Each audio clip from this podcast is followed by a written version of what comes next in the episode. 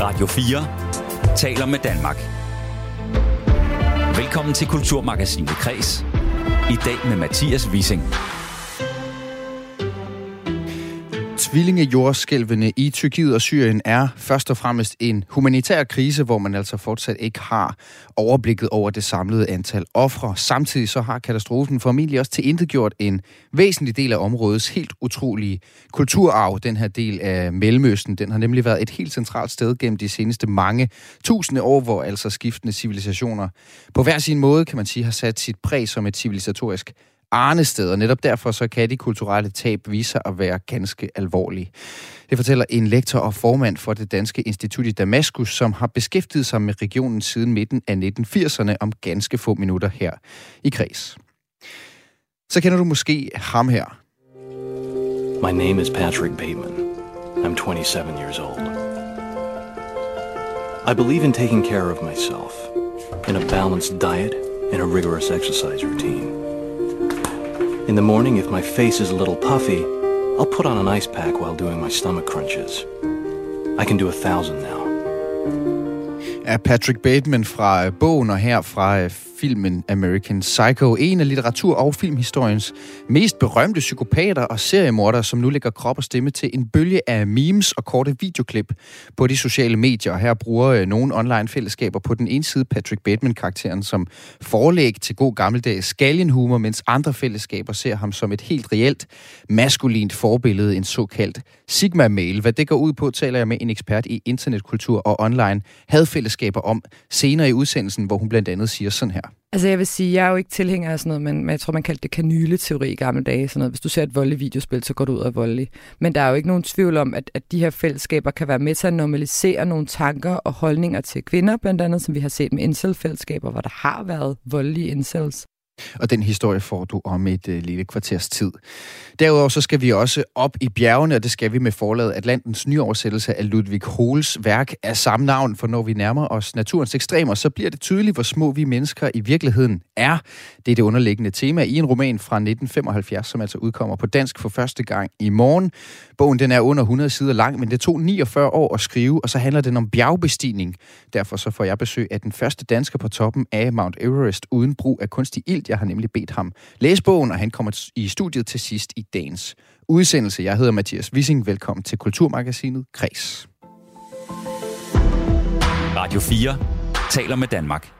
Hele byer ligger i ruiner i det sydlige Tyrkiet og det nordvestlige Syrien efter et øh, kraftigt jordskæld ramte området natten til mandag og blev fuldt af en række efterskæld. Flere end 5.000 er døde, og lige så mange bygninger er styrtet sammen, og ifølge Verdenssundhedsorganisationen WHO, så kan dødstallet vente så overstige 20.000. Det er en humanitær katastrofe, og når stødet har lagt sig, kan det også vise sig at være en katastrofe for den utrolig rige kulturarv, som gennem tusindvis af år har sat sin spor på lige præcis det her område. Det fortalte Ingolf Tusen, da min kollega Søren Berggren Toft ringede til ham inden udsendelsen. Ingolf Tusen, han er formand for det Danske Institut i Syriens hovedstad Damaskus og lektor på Institut for Tværkulturelle og Regionale Studier på Københavns Universitet. Og så har han som arkeolog dedikeret sin karriere til den her region, og derfor er han naturligvis også påvirket påvirket af situationen, fortalte han. Jeg har rejst siden 1987 i Syrien og, øh, og kommet der, så vidt det har været muligt. Så når så kommer sådan en katastrofe, så, så er det jo noget, der berører en dybt, fordi det er steder, man kender. Det er, det er folk, man, man kender også tit og ved, hvordan de lokale vilkår er, og hvor svært det kan være for lokalbefolkningen i sådan en katastrofesituation. Jeg ved, du øh, omtaler området her på grænsen mellem Tyrkiet og Syrien, som altså nu er hårdt ramt efter et voldsomt jordskæld, som en, en rundkørsel imellem alle de store civilisationer. Kan du prøve at uddybe, hvad du mener med det? Man skal forestille sig et verdenskort, og så, så starter vi med det østlige Middelhavsområde, og her er vi så der i, i det nordlige Syrien og tyrk, sydlige, sydvestlige, eller sydøstlige Tyrkiet. Og så har vi mod syd, der har vi Ægypten, op mod nord, der har vi Tyrkiet, hvor vi har de gamle anatoliske civilisationer som Hittiterriget, det er for 4.000 år siden. Mod vest, der har vi grækerne og seminoiske civilisationer, de mykenske civilisationer osv. osv. Og så går vi østover, der har vi så det store Mesopotamien, som er en vigtig, vigtig faktor i skabelse af de tidlige civilisationer i verden, som vi siger. Og så går vi længere østover, og så kommer vi over til Kina, og hele det hænger sammen med det system af, af handelsveje, som vi også kender som silkevejsystemet. Og i virkeligheden det bælte på, i, på, på, på, på vores del af verden, hvor vi får udviklet de første civilisationer, altså de første bondekulturer, de første landsbysamfund, de første bysamfund, de første kongedømmer osv. osv. Og derfor så, hvis vi skal finde vores rødder i Europa, så skal vi derned. Og øh, det betyder, at et område som nordøst eller nordvest-Syrien og sydøst-Tyrkiet, at det er der, hvor at, at alle de der civilisationer har mødtes gennem tusinder af år, altså gennem 10.000 år. Så der kan vi finde afledt verdenshistorien næsten med alle perioder, fordi de kommer igennem der, fordi det er sådan en grundkørsel. Så det er altså ikke uden grund, at vi øh, også nogle gange omtaler området her som civilisationens vugge. Hvilken øh, kulturarv er der i området her, som altså nu kan være i risikozonen for at have taget, øh, taget skade efter det her jordskælv? Det vigtigste af dem, som er, er nok tættest på epicenter, det er Aleppo, selve den gamle by og citadel i Aleppo og, og uh, Umayyad måske, som er en af de første uh, ældste moskéer i, i, i Syrien overhovedet. Uh, Bazaren, som også var fantastisk og, og UNESCO verdensarv, den og, og måske de blev ødelagt eller brændte under, under, under borgerkrigen i, i Aleppo. Citadellet overlevede og, og led ikke stor overlast, så Øh, lige nu er det interessant, hvad, hvad er der sket for eksempel med citadellet under, under, under jordskabet, men jeg ved det ikke, fordi jeg har ikke fået oplysning nedfra endnu. Så ligger der udenfor i, i, i vest fra Aleppo op mod Tyrkiet, og også sydpå ned mod Hama i Syrien, der ligger et stort område, hvor der så var meget tæt befolket i den byzantinske tid, altså det er for cirka 1500 år siden, hvor man havde de små landsbyer, hvor man dyrkede oliventræer og vin. Det var nogle af de tidlige kristne samfund i verden. Og på et tidspunkt, når vi kommer op i øh, omkring i slutningen af første årtusind, så bliver de forladt af en eller anden grund. Sandsynligvis på grund af nogle klimaforandringer, som gør, at man ikke kan dyrke de her områder mere. Så ligger der en hel masse ruin landsbyer, hvor man kan se, der ligger en kirke, en gammel kirke, der ligger en kro, der ligger, at nu skulle være i sådan en landsby, som ruiner derude, som vi også stenbygget huse, og, og de er altså også blevet påvirket af det her Det må de have gjort, og, og netop sådan nogle ruiner, som ikke er blevet stabiliseret eller, eller gjort ret meget ved, de er meget udsatte, og i Tyrkiet er ligesom, der lige flere steder, og der er et af de mest berømte stenaldermonumenter i verden. Det ligger i, i den her, også vil være påvirket af det her jordskab, som hedder Göbekli Tepe, hvor vi har stenstiler, der er 10 meter høje med, med indridset, øh, eller der er reliefer med, med dyrefigurer og sådan noget. Vi, vi forstår det ikke rigtigt. Altså det, det, det, det, det er et fantastisk monument, som ændrede verdenshistorien, der blev fundet for, for 10-20 år siden. Det er jo et område, som du øh, er, har arbejdet meget, meget tæt med, og også er nært knyttet til. Hvad var din reaktion, da du hørte om det her jordskæld? Altså, jeg tror, at da jeg hørte det første gang om øh, forleden morgen, eller i går morges, der, der kunne jeg godt se, at der var tale om meget, meget voldsomt jordskab. Og, øh, og så begynder med det samme at, at gerne have mere informationer om det, og især om, hvor var det jordskælv, hvor var epicentret, og hvor, hvor bredte det sig ud. Og, øh, og så, og så, så ja, altså hvad, hvad gør man? Altså man, man, man, man vil gerne vide noget, altså, fordi man, man kender stederne, og, og, så, og så, så ønsker man øh, og, og, og, og vide noget, som også får en idé om, kan vi gøre noget som helst? Ikke? Altså er der noget hjælp, vi kan gøre? Og, og, og jeg vil jo gerne ind og, og med den viden og erfaring, jeg har i Syrien, og sige, kan jeg hjælpe øh, nogle af de områder i Syrien på en eller anden måde med de muligheder, vi har? Ikke? I første omgang, der er det hvordan kan vi komme ind og, og hjælpe i den, i den katastrofesituation. Og er der noget, vi kan gøre for at hjælpe i den her situation lige nu? Det er meget vanskeligt i Syrien, fordi vi har et, et politisk udfordring med, med styret i Syrien, som vi ikke har det godt med, og de har det ikke godt med os, og så videre, så videre. Så øh, for mig, der handler det meget mere om, om, om lokalbefolkningen, om civilbefolkningen, altså mennesker nede på jorden. Ikke? Det er jo dem, der taber igen og igen.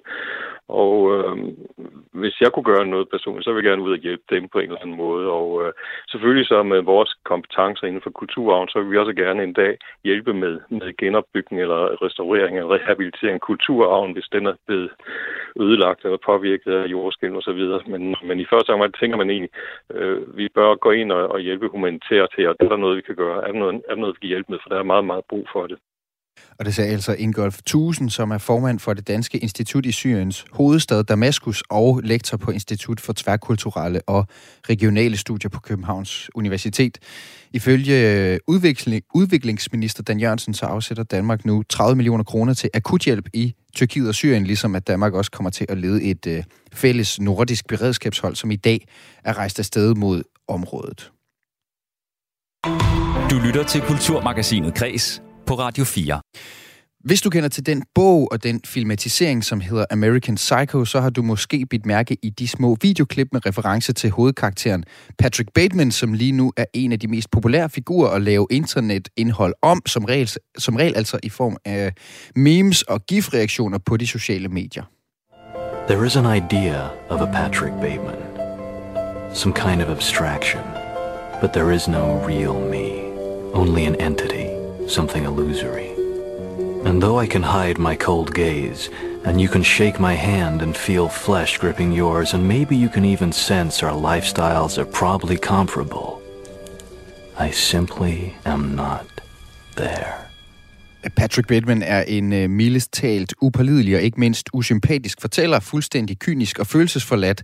I simply am not there lyder en af romanens vigtigste sætninger her fra Mary Hannons filmadaptation, som det jo hedder, af bogen. Nu dukker han så altså op i forskellige sammenhænge, både som ironisk indhold på internettet, hvor de små klip med den her karakter bliver brugt til med et glimt i øjet og signalerer, at man er på randen af en eller anden form for total kollaps, dels som en slags reaktionsklip, fuldstændig løsrevet for den originale kontekst, han optræder i, altså filmen og bogen, men nogle steder altså også på internettet som en hyldest til det, der på dele af internettet bliver karakteriseret som sigma-mails, og som i værste tilfælde i de mørkeste afkrog af nettet er med til at forstærke kvindehed og voldsforherligelse fra en gruppe unge, særligt mænd, der har taget ejerskab over en række filmhistoriske og misforståede ikoner, heriblandt altså Patrick Bateman.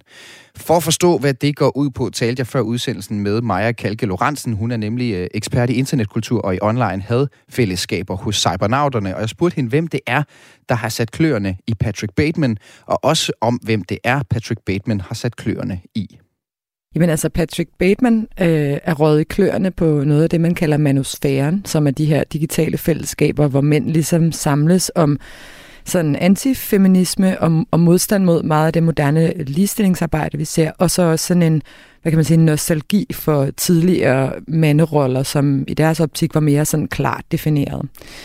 Øhm, og det er der, man, man blandt andet dyrker sådan nogle idéer om, at man skal være en alfahand og ikke en beta, som er den her idé om, at der ligesom er sådan et hierarki mellem mænd, og det er bedst at være i toppen af pyramiden.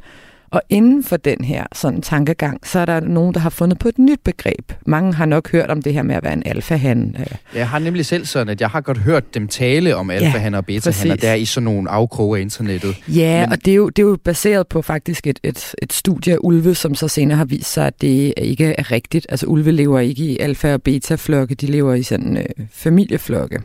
Så, så det er egentlig baseret på noget sådan pseudovidenskab. Men det her med en og det, sigma... Og det grader af, øh, altså det grader af hvor, hvor maskulin man er, eller ja, hvad er det for et altså parameter? Det, man kan sige, de sætter det ligesom op som sådan en pyramide, hvor en alfa vil være i toppen.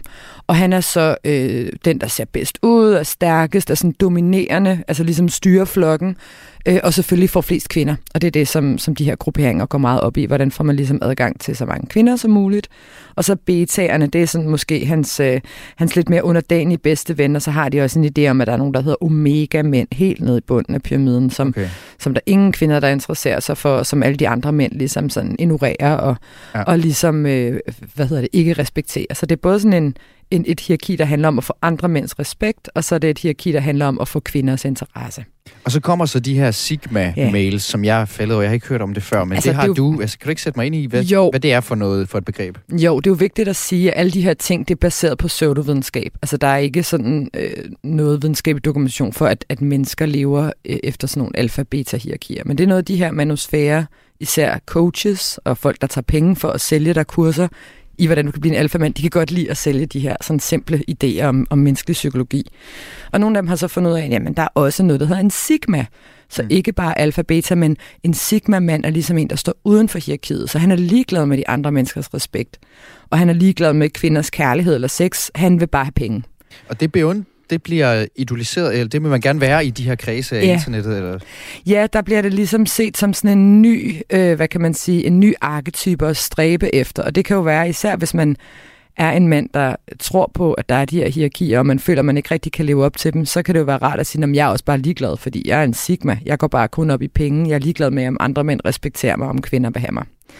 Så, så der, der er jo ligesom sådan en eller anden øh, power-fantasi i, hvis man længe har prøvet at performe inden for et eller andet hierarki, så at ende med at være ligeglad med det her hierarki og alligevel være en succes. Det er mm. meget det, som den her idé om Sigma-manden sådan personificerer, ikke? Og, så, og det er jo så der, hvor nu vi så netop inde ved Patrick Bateman igen, øh, fordi altså, han blev født, kan man sige, det opfundet i romanen der, American Psycho, for mm. 32 år siden, mm. filmatiseringen af bogen, øh, hvor hvor, øh, hvor hedder han, Christian Bale, han spiller Patrick Bateman. Den er 23 år gammel, og ja. det er så fra den film her, vi ser en masse memes og mm. gifs, korte videoklip, alt det her.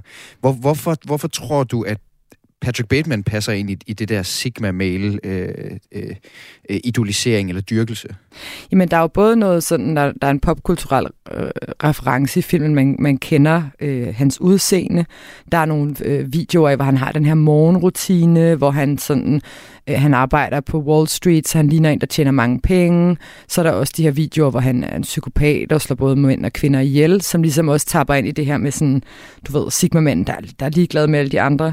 Øhm, men så er det jo også et eksempel, altså et, et klassisk eksempel på, at mange af de her memes, de bruger nogle mænd som idealer, som de ikke har forstået. Altså Patrick Bateman er jo ikke ligeglad med andre mænds anerkendelse. Både bogen og filmen handler jo netop om, at han prøver at komme op på toppen af det her hierarki, og han bliver så rasende over de andre mænd over, de har sejre ved sit kort, end ham og tjener flere penge end ham. Mm. Øh, og, og det er også sådan, øh, han, han laver sit had til kvinder gå ud over dem ved at slå dem ihjel. Altså han er jo bestemt ikke ligeglad med hverken, hverken mænd eller kvinder. Mm. Men det er så interessant, at han så bliver omfortolket i det her til sådan, at han er en sigma-mand. Ikke? Mm. Han er ligeglad med andre. Han, han er, der, der er blandt andet sådan et billede, hvor han sidder med sådan en ansigtsmaske på, og så har de skrevet ind over, jeg er ligeglad med kærlighed. Jeg går kun op i the grind, som er den her idé om at arbejde rigtig, rigtig meget og blive rigtig succesfuld og være ignorere alt andet. Ikke? Mm. Ja, og, og netop, altså, Patrick Bateman er jo den her øh, helt ekstremt usympatiske, psykopatiske hovedkarakter i, og fortæller også i American Psycho, som er en bog af Bret Easton Ellis fra, fra 91, som sagt, som i sig selv er et dybt forstyrrende mesterværk, men mm. som så for alvor blev, blev katapulteret ud i den her brede offentlighed med filmatiseringen af bogen fra, fra 2000, som er instrueret af Mary Harron, hedder hun altså en kvindelig instruktør, og så med Christian Bailey i rollen som uh, Patrick Bateman. Og det er, det er derfor de der memes og gifs, som internetbrugere, der identificerer sig selv eller idoliserer de her såkaldte Sigma-mails, som vi taler om i programmet i dag, altså udspringer fra. Jeg kan lige spille lidt fra traileren, og øh, til lytter, hvis I tror mig, hvis du ikke har set filmen, så er den ikke så happy-go-lucky, som det lyder til her i, øh, her i starten. New card. What do you think? Oh, very nice. There's something sweet about you.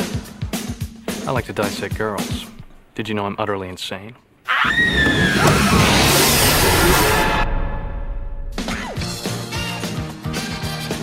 Ja, i uh, American Psycho, der følger vi så den her 27-årige investeringsrådgiver, tror jeg, han er på Wall Street, Patrick Bateman, som er altså sygeligt optaget af fla- uh, overflade og udseende og materialistiske goder, og han er ved at få et decideret uh, angstanfald, han ser, hans kollega, som du også sagde mig, har et, har et mere elegant visitkort end ham selv. Mm. Og for så at fremprovokere en eller anden form for følelse, så begynder han uh, simpelthen at slå folk omkring sig ihjel, altså til højre og venstre, det er hjemløse, prostituerede kollegaer, men til hans egen forfærdelse, så sker det uden at nogen reagerer på det, og til sidst kan han så ikke rigtig finde ud af, hvad der er virkelighed, og hvad, der, hvad, der, hvad han bilder sig ind. Mm.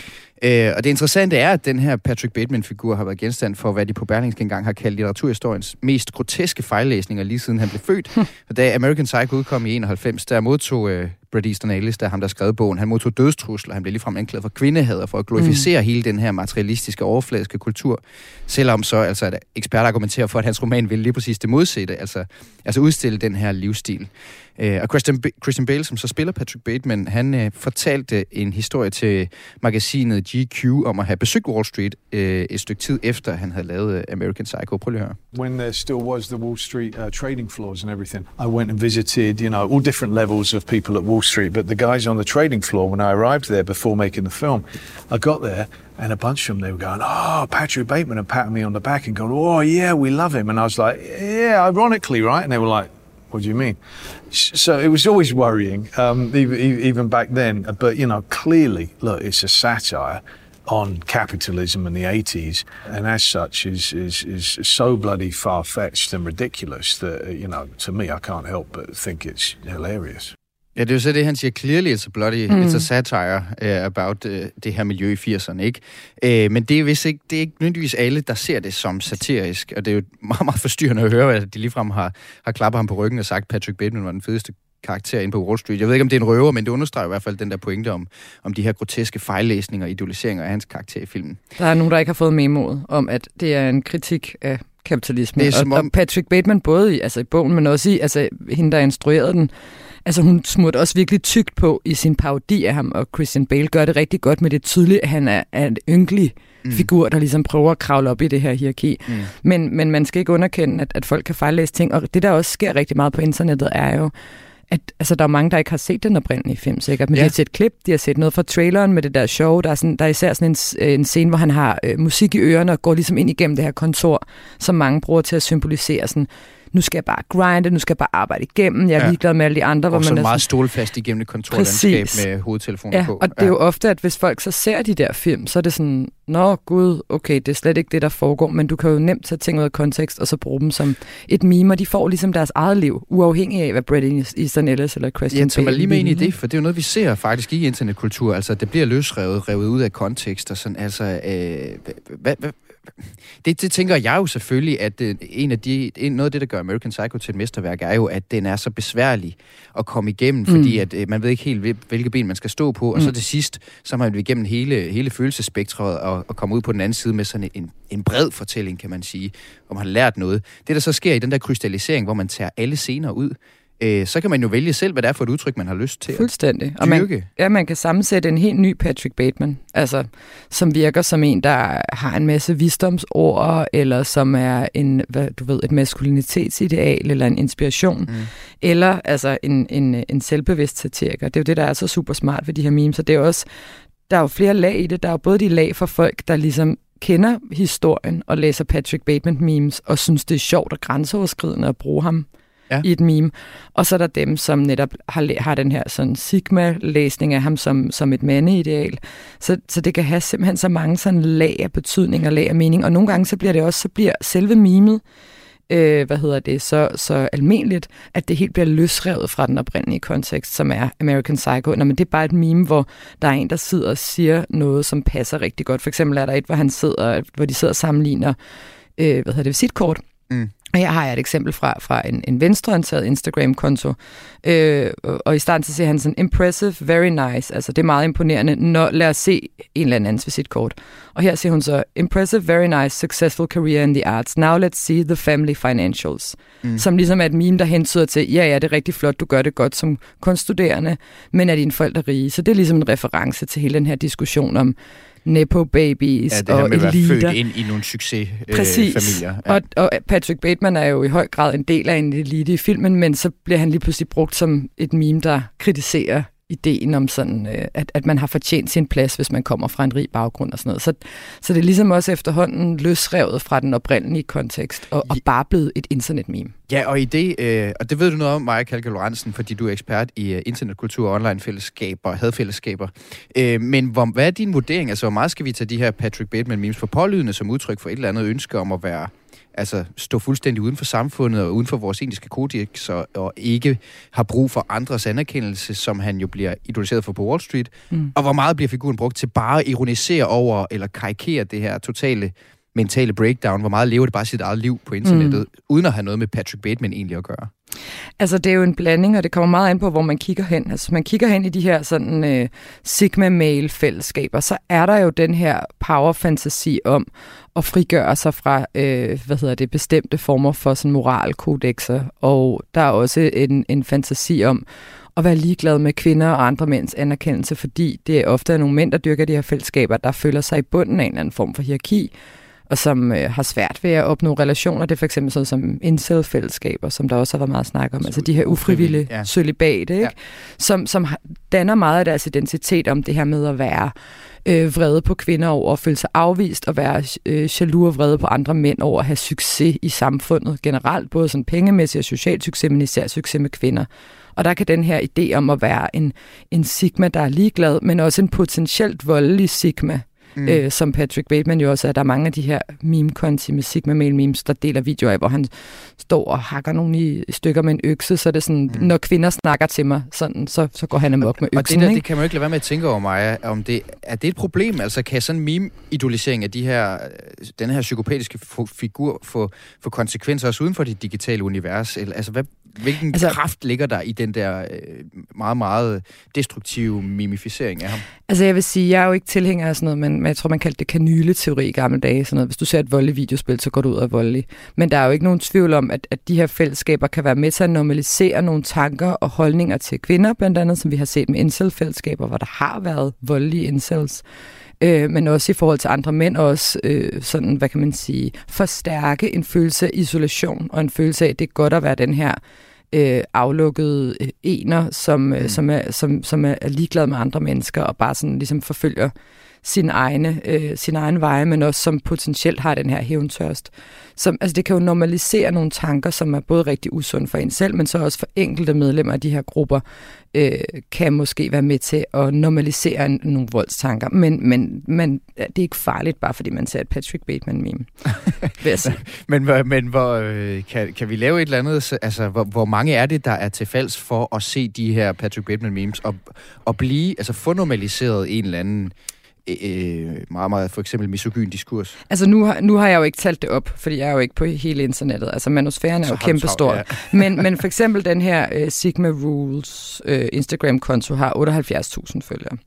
Ja. Uh, så det er jo ikke ingenting. Uh, det, er, det er noget, og der er også mange, der deler dem ironisk og har det sådan lidt sjovt med det, men det er også noget, der ligesom siver ud, og der sidder også ud over det mandecoaches på YouTube og lærer dig, hvordan du kan få et Sigma grindset og sådan noget. Så det er jo noget ideologi, der især bliver solgt til unge mænd, som sådan her er du en rigtig mand. Men det er jo i princippet den samme fare eller risiko, som der har været ved overhovedet lave filmen American Psycho og skrive bogen American Psycho. Det her med, den er jo altid til falsk for at blive misforstået. Det er men altså dem, Sigma, Sigma Rules meme-kontoen øh, er, er, er ikke ironisk, vil jeg sige. Det er det, der er forskellen. Der er ligesom nogen, der ideologisk er øh, interesseret i det her mindset. Men det er altid sådan, når man kommer noget ud i verden, så, så kan det jo blive fortolket i alle mulige retninger. Så, så vil sige, man, man kan ikke tillade sig rigtigt at kritisere Bret Easton Ellis eller øh, Christian Bale, for at de er blevet overtaget på den her måde, men det må da være lidt mærkeligt for dem, mm. tænker jeg. Og vi snakker altså om det, fordi at, at de her øh, memes, videoklip, små billeder med tekst af øh, Patrick Bateman-karakteren fra American Psycho, øh, bliver gjort til genstand for en eller anden idolisering af et segment på internettet, som dyrker de her sigma-mails, altså de her med at være fuldstændig kynisk og følelseskold og stå uden for samfundet på en måde. Øh, Maja Kalkul hvilke andre figurer kender vi som det her segment af af unge på internettet har gjort til en slags misforstået helte, ligesom Patrick Bateman er blevet? Jamen altså, de er rigtig vilde med Tyler Durden fra, hvad hedder det... Um Fight Club. Fight Club, lige præcis. De elsker Fight Club. Altså endnu et eksempel på et stykke fiktion, som, som jo faktisk øh, ifølge forfatteren også kritiserer sådan, øh, sådan giftig maskulinitet, men så bliver det ligesom, han er, han er en held. De er også rigtig vilde med Walter White, som jo er endnu en karakter, der ender ja. alene og ulykkelig. Fra Breaking Bad. Fra Breaking Bad. Ja. Øhm, hvad hedder det? Så, så de har ligesom de her, sådan, øh, en, de tidligere meget har dyrket, har også været Don Draper fra Mad Men, mm. som jo igen også er en, en ret trist karakter på mange måder, men, men man kan umiddelbart godt, hvis man bare tager, kigger på det og tager det for god varer, så er de jo den hårdkogte held i et flot jakkesæt, eller som sprænger det hele i luften, eller ligeglad med alle andre, så kan man godt bare sådan, du ved, øh, tage, det som, øh, tage det sådan for pålyden, at nå, han, han, må være, han må være en sej mand. De har mm. også øh, Killian Murphys karakter for Peaky, øh, Peaky Blinders, er de, er de også rigtig glade for. Ja.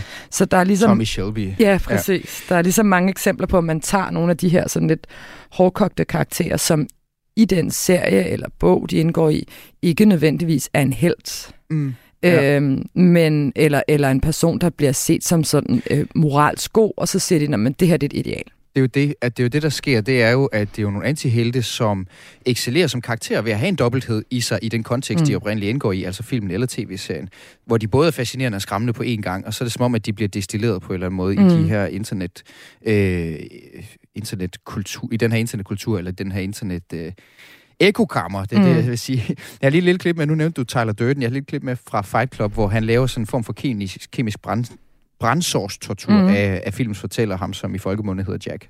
Without pain, without sacrifice, we would have nothing. I tried not to think of the words cereal or flesh. Stop it! This is your pain. This is your burning hand. It's right here. I'm going to my cave. I'm going to my cave. I'm going to find my power animal. No! Don't deal with it the way those dead people do. Come on! I get the point, okay, No, please. what you're feeling is premature enlightenment. Ja, han er sådan en rigtig macho-fyr, Tyler Durden, mm. der slår til Jack og, og vil lære ham en lektie om at være til stede i livet ved at mærke smerten og sådan nogle ting. Altså, hvad er det for en... Øh, hvad har Tyler Durden og og Patrick Bateman og de andre, du nævnte her før, hvad har de til fælles i, i, i, den, i det her maskulinitetsideal? Jamen, det er det her sådan hårde maskulinitetsideal. Ikke? Du skal bare kunne mærke verden, og du skal være ligeglad med de andre, og du skal bare sådan øh, stå på dine egne ben, og, og hvad hedder det, kun have, have dig selv og de, din egen behov for øje. Og det er noget, som bliver spejlet meget i, i noget af den øh, retorik og de fortællinger, som man ser i den her manusfære. Det er det her med at lære mænd at være, enten at være en alfa eller en sigma, ikke? altså ligesom at være i toppen af en hierarki, øh, sørge for sig selv, før de sørger for alle andre, ligesom både gå til relationer med andre mænd, men også sådan seksuelle eller kærlighedsrelationer til kvinder på sådan en meget strategisk måde. Du skal sådan du vil have noget ud af det, du vil have sex ud af det, eller du vil have status ud af det. Så det er meget sådan en, øh, hvad hedder det, øh, sådan en, en lidt sådan, både en, en lidt reaktionær fortælling om, om mænd og maskulinitet, ikke? men du skal, være, du skal være stærk, og du skal være dominant, og du skal ikke, du ved, gøre, hvad nogen siger, mm. men også sådan en lidt beregnende tilgang til verden. Ikke? Hvordan mm. kan du få ravet mest muligt til dig, øh, at, at det, du har behov for. Det er ikke så meget fokus på, hvordan skaber du nogle gode relationer, eller sådan. Det er meget sådan beregnende på en eller anden måde. Ja, og selvcentreret. Mm. Øh, ja, det handler om at rave til sig. Ja, og det... Uanset, også selvom man er anarkistisk, som Tyler Durden er, det er jo fordi, ja. han tænker, han selv har ret, ikke? Jo, jo, og, og det er jo interessant det der med, at altså, det handler om at, at, at, at rave til sig, og det bliver set som en god ting. Altså et, et meme, der de også er glade for, det er sådan hele det der Wolf of Wall Street, som jo også er en parodi om greed ja. is good. Eller sådan, Jordan Belfort. Præcis. Ja. Altså det, det er grådighed, og det, det godt til sådan, den, det er den eneste øh, drivende kraft i universet, det er, at du ligesom sådan sørger for dig selv. Og så er de jo alle sammen øh, fremmedgjorte. Altså, de er jo alle sammen nogen, man kan spejle sig i øh, på, det, på mm. den måde. Hvis man føler sig på kanten af samfundet, så ja. ser man nogen, der også er på kanten af samfundet. Som så tilfældigvis også, og det er det sidste, jeg lige skal høre dig om mig, er, ekstremt veltrænet. Mm. De er langt de fleste af dem ikke. Tyler Durden, Patrick jo. Bateman, øh, Don Draper er jo også, øh, han ja. er, eller velklædt. Altså, hvad betyder selve det, de kropslige ideal for det? Æstetikken spiller en kæmpe stor rolle. De vil aldrig være blevet de her idealer, hvis de ikke havde været konventionelt meget attraktive og ekstremt veltrænede. Altså Christian Bale trænede jo også helt vildt meget for at komme i form til den der rolle, fordi det er en del af Patrick Bateman-karakteren. Men igen, her bliver det så læst ikke som en reference til sådan øh, den her sygelige kropskultur, men som et ideal. Du skal ind og træne. Altså en del af det her Sigma grindset er, at du skal træne rigtig meget, og så skal du tjene penge øh, og ellers bare gå til relationer med andre mennesker på sådan en, en meget beregnende måde. Men, men det æstetiske, sådan mandlige kropsideal, øh, er en kæmpe stor del af det, og mange af dem, der deler de her memes, er også sådan nogle træningscoaches og sådan noget, som ligesom okay. prøver at, at, at sælge unge mænd på, jamen du skal bare, du ved, du skal bare træne. Øhm, og om på den ene side, så er det her med at træne og spise sundt jo en rigtig god ting, men der er altså også nogle miljøer, som sidder ligesom og, og bruger det som en måde at nå ud med noget ideologi, som er lidt bredere end bare at leve sundt. Hvad tænker du på? Jamen altså sådan, for eksempel er der nogle sådan mere ekstreme miljøer, der rekrutterer gennem sådan øh, træningsvideoer. Øhm, altså rekrutterer medlemmer, simpelthen. Så, så har du den her meget glitzy Instagram-æstetik med store muskler og sådan noget, og så er så prædiker du samtidig noget, for eksempel noget højere ekstrem ideologi, som ligesom ligger lidt skjult i den der æstetik. Ikke? Men når de her øh, Patrick Bateman memes, og, og han bliver idoliseret som figur, altså meget af det er også bare, at øh, man synes, han er en flot fyr eller velklædt, altså uden at det overhovedet har noget med egentlig American Psycho gør. Der er helt klart en hel del af det, altså som, som også handler om den rene æstetik i det. Altså han har den her, det er jo, det er jo derfor filmen også fungerer så godt. Den, den øh, bruger jo den her æstetik, som øh, Patrick Bateman idealiserer. Hvis du gerne vil have, du ved, et, et liv med øh, økonomisk overskud, og du egentlig godt kunne tænke dig at være sådan en, en veltrænet stock trader, men du måske du ved, ah, har, et, har et manuelt kedeligt arbejde eller andet sted, det ved du godt, du kommer aldrig til, så er han jo klart at, at se mm. på som et ideal, uden at man nødvendigvis ved noget som helst om, hvem Patrick Bateman egentlig er. Altså mange af de her Sigma-mail memesider er for eksempel fra Indien. Ja. Altså det er jo så ikke sikkert, at, at øh, den film er en, er en særlig stor referenceramme for indiske unge mænd, men det er mimet stadigvæk. Ja. Og så taler han ind i det, du kalder powerfantasien ja. tidligere. Ja, kæmpe stor magtfantasi. Både det der med at være fysisk stærk, attraktiv, med øh, at, at have penge, men også det der med, hvis folk pisser ham af, så slår han dem bare ihjel.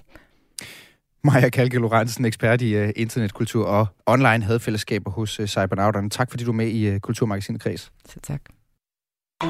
Du lytter til Kulturmagasinet Kreds på Radio 4.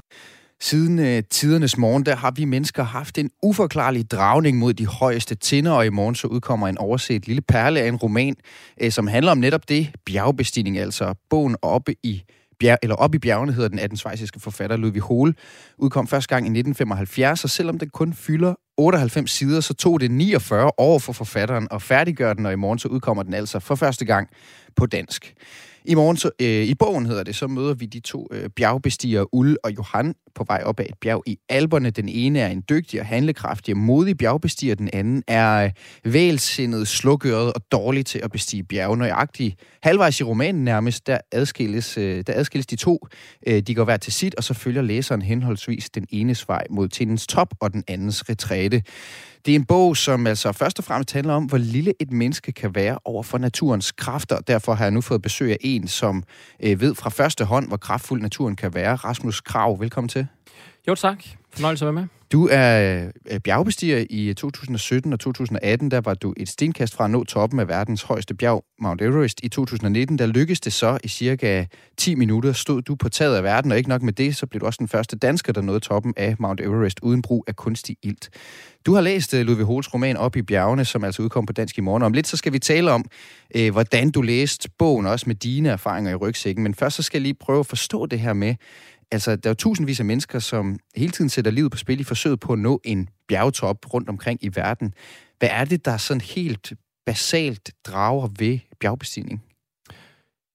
Ja, men jeg tror egentlig, øh, at, at det her med at gå ud og, hmm, hvad kan man sige, sætte sig selv i spil i, i naturen, mod naturens kræfter, øh, føle sig lille, og gå ud i, hvad kan man sige, ukendt land, både, øh, hvad kan man sige, geografisk ukendt, øh, det var bjergtoppene jo engang, nu har vi opdaget de fleste af dem, øh, noget toppen på de fleste af dem, men også ukendt i forhold til ens egne grænser, øh, mentalt og fysisk.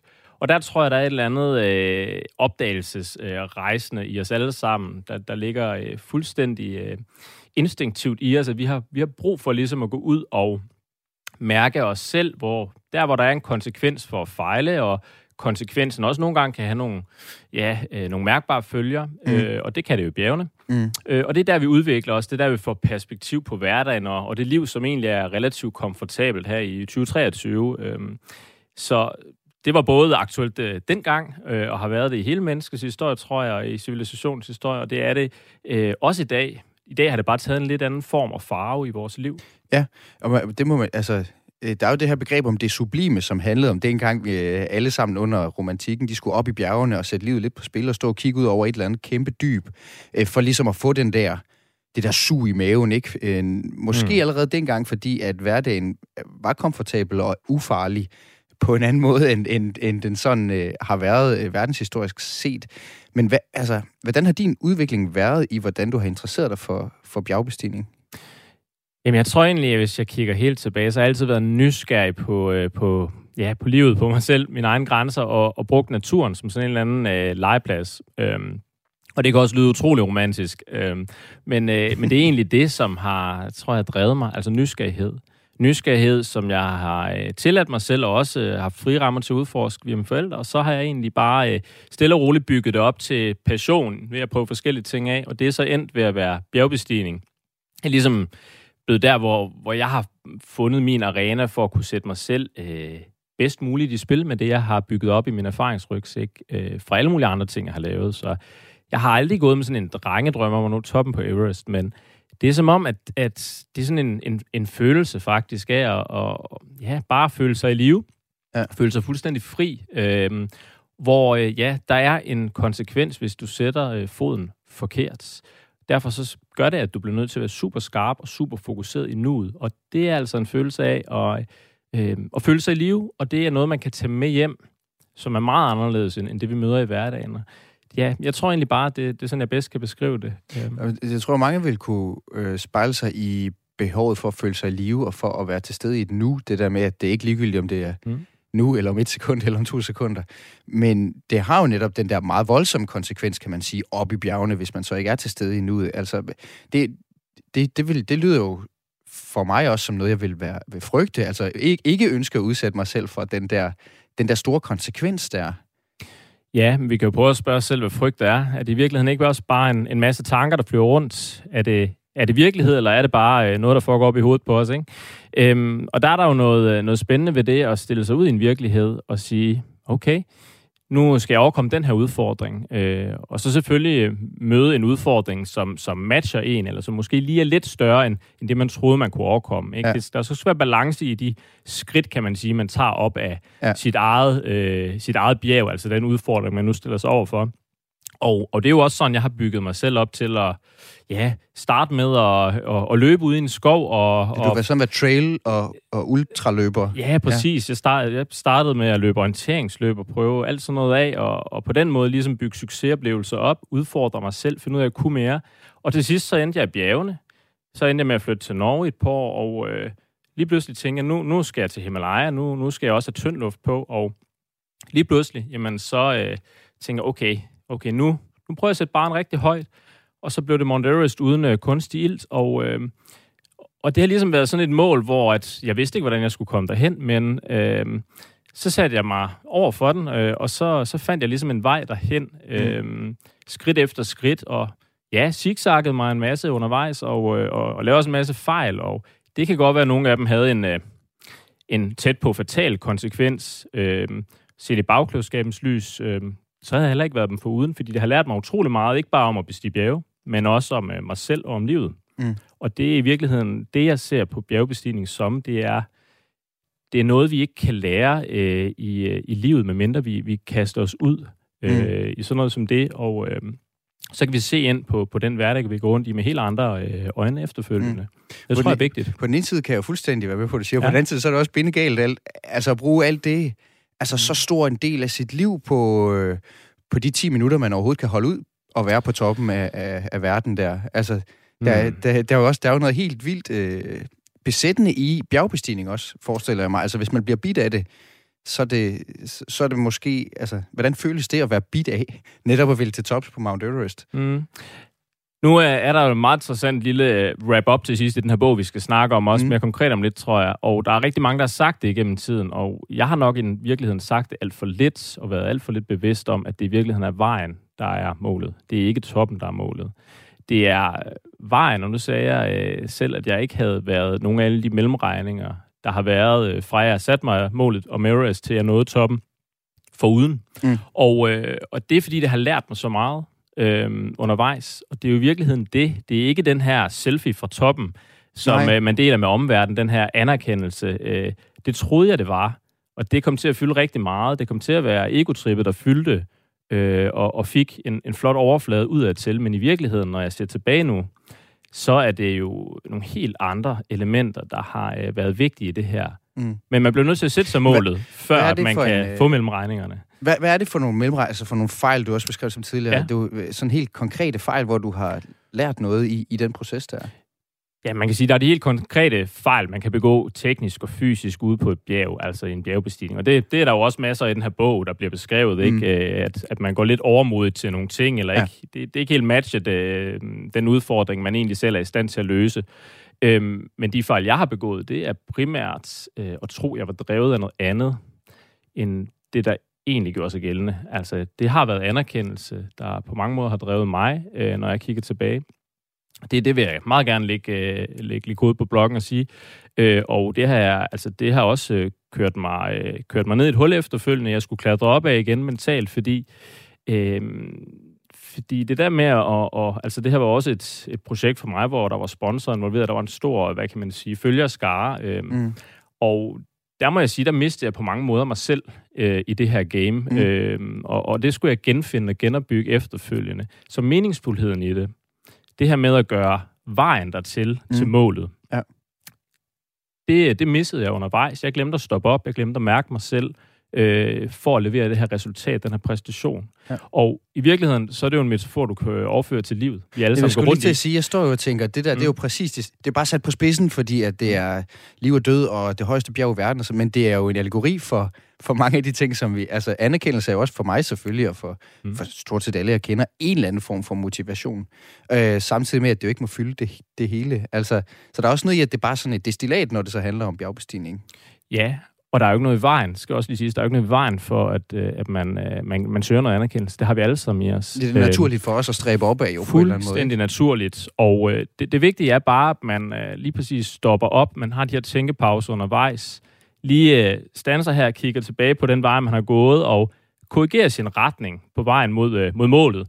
Øhm, lære af de, de fejltrin, man har lavet undervejs. Øhm, og, og det må jeg sige, det har jeg ikke været god nok til. Og, og i dag, der, der kigger jeg jo meget ind på det og siger, jamen, det handler om retning, personligt, øh, frem for hastighed. Ja.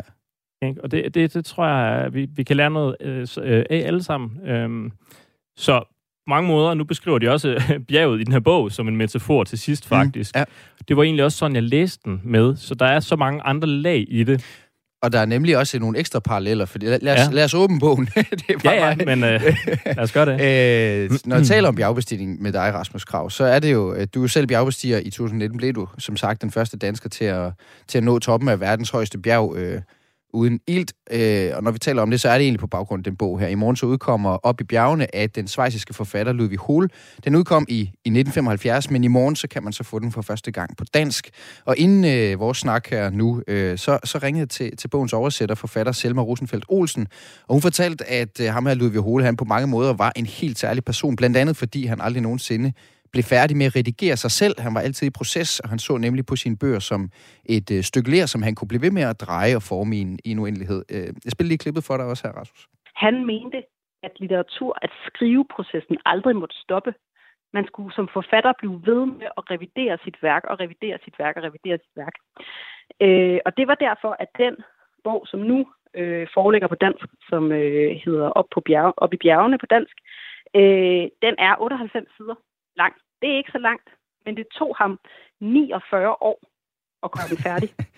øh, men, men det er jo en sjov ting, fordi at jeg som læser kender jeg jo det her med, at hver gang man møder et værk på en ny måde, så, øh, så, så tænker man, jeg bliver aldrig færdig med den her bog, fordi når jeg læser som 20-årig, og jeg læser som 40-årig, så er det noget helt andet.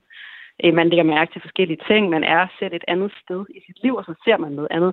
Men det her, det er altså også i skriveprocessen. Det er jo godt nok sjældent, at man at man oplever det. Ja, det er så, så spredt ud over hans, øh, over hans levetid. Øhm, prøv at sætte lidt flere ord på selv også, hvem han... Øh, altså, hvad var han for en person også? Altså, fordi jeg kan forstå, at du siger, at han var en særling, men hvordan kom det til udtryk? Ja, Nej, jeg vil ikke sige, at han er en særling, men da, han er blevet kaldt en særling. Han er også blevet kaldt infanterible, hvis det skal lyde lidt pænere.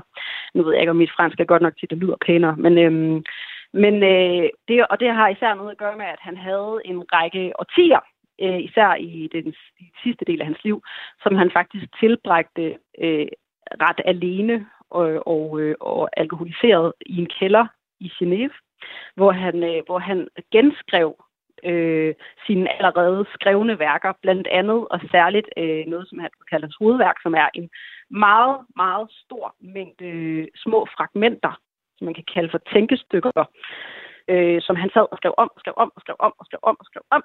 Øh, der er nogle fantastiske billeder af ham fra den her periode i hans liv, hvor han blandt andet øh, står og reciterer dem for sig selv. Øh, øh, han, ser, han ser måske en lille smule særlingagtig ud, men jeg synes også bare, at, øh, han, han, jeg holder bare aldrig op med at synes, han er interessant. Og det gør øh, andre nulevende svejsiske forfattere tydeligvis heller ikke. Det er også derfor, at han er blevet kaldt for en kultforfatter.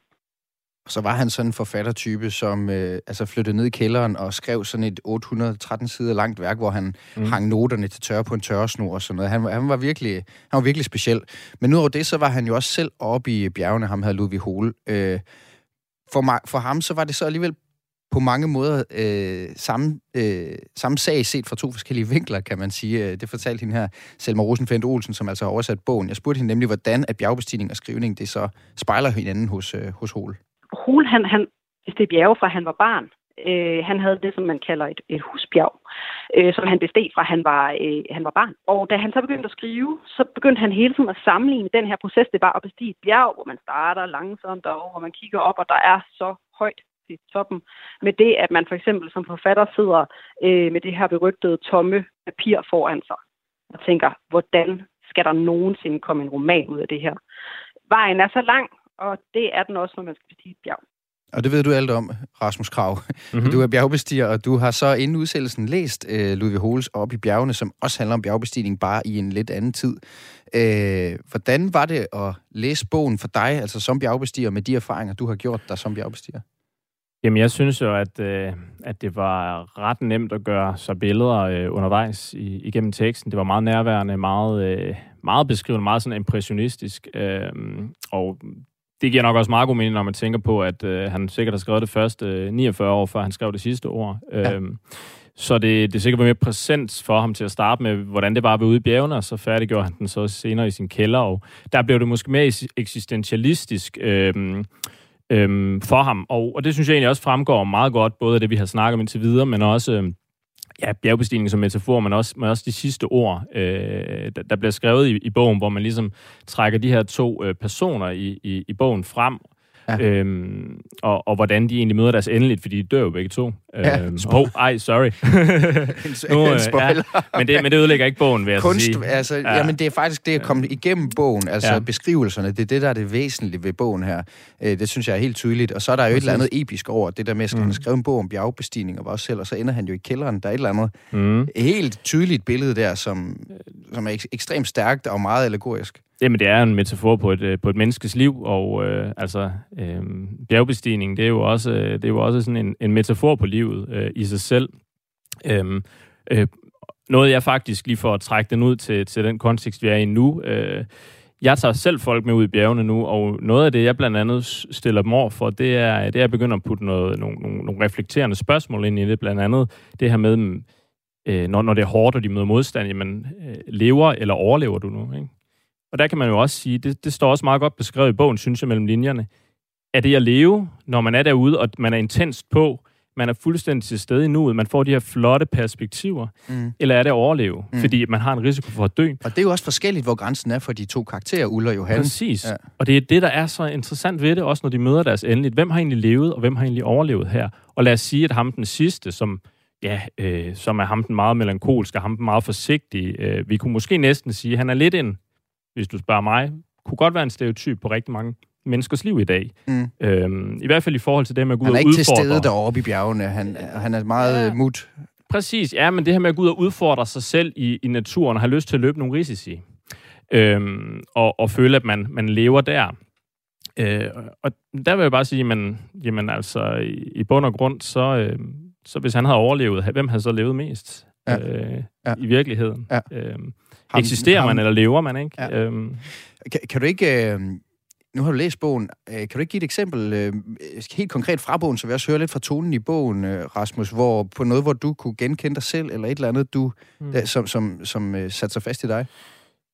Ja, jamen jeg kan prøve at tage noget, hvor, hvor jeg synes, jeg fik mange øh, billeder. Egentlig. Det synes jeg egentlig, jeg gjorde igennem hele bogen, når vi sådan er ude i bjergene. Men øh, her der, der sidder han øh, og... Øh, er på en klippeafsats, og han, øh, han har fundet ud af, at han bliver nødt til at overnatte der. Han, han, er simpelthen, han kan hverken komme op eller ned, og nu skal han tage en overnatning. Ham, som besluttede sig for at komme til toppen. Ja, Uld. lige præcis. Ja. Eller for at forsøge, for han kommer jo ja.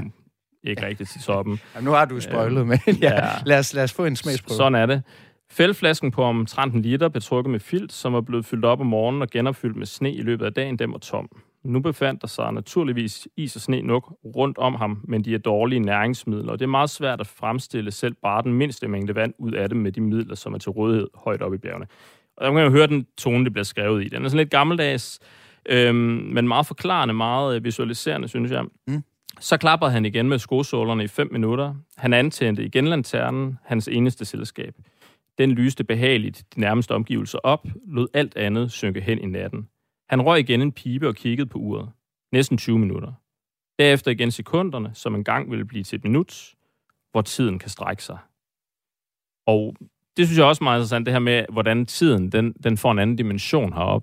Det her med, at det er måske ikke så vigtigt, om klokken den er 10 eller den er 13. Det handler mere om, hvordan hænger det sammen med, med bjergenes øh, liv, med naturens liv, og det, som er større end os, og det er de præmisser, vi ligesom bliver nødt til, når vi sætter os ud i bjergene og øh, indordne os under. Altså, vi smider i virkeligheden kontrollen. Og det er også noget af det, jeg synes, den fortæller rigtig godt. Øh, at vi går rundt med kontrollen her i hverdagen, og det hele bliver puttet i skema og i kalender. Men når vi kommer derud, så er alt det der er smidt væk. Vi bliver nødt til at indordne os under noget, som er øh, meget større end os. Så er det på bjergets vilkår deroppe. Præcis. Ja. Vi, øh, vi er der på naturens præmisser, øh, og det er utrolig smukt. Rasmus Krav, øh, bjergbestiger, som øh, for et par år siden altså var første dansker på toppen af Mount Everest uden brug af kunstig ilt. Tak for, at du var med i øh, Kulturmagasinet Kreds. Hvor mange, hvor mange øh, bjergtoppe skal den have? Ud af seks? Um, ja, jeg synes jo, for mig, der, der kunne den godt få en, en, en fem stykker. Øhm, ja. ja, anbefalesværdigt. Ja, helt sikkert, helt sikkert. Hvis man kigger bag om det, der, der er skrevet, så synes jeg, at den får rigtig meget værdi. Ja, og altså skrevet meget også øh, på en tid. Jeg, jeg, jeg synes, den minder lidt om Stefan Zweig, jeg har læst noget af en gang, altså i sin øh, beskrivende tone, og sådan. Den laver nogle rigtig flotte billeder, som jeg kun kan forestille mig, hvordan det har været stærk, endnu stærkere for dig, end for mig, altså når du kender bjergene øh, fra dig selv. Hvis du så som, som lytter kunne tænke dig at vide mere om altså Rasmus Kravs vej mod toppen med Mount Everest, så kunne du læse hans bog Ego Trip, ligesom man kan se uh, Rasmus Kravs topforsøg, som det hedder i DR mini-dokumentarserien Everest uden ilt, som ligger på DR's website. Kulturmagasinet Kreds på Radio 4 er slut for i dag. Hvis du ikke fik det hele med, så kan du også finde dagens program i Radio 4's app, eller der, hvor du finder din podcasts i øvrigt. Dagens udsendelse var til rettelagt af Søren Berggren Toft og mig selv. Mit navn er Mathias Wissing. Lige om lidt, så er der missionen med Amalie Bremer og Tony Scott.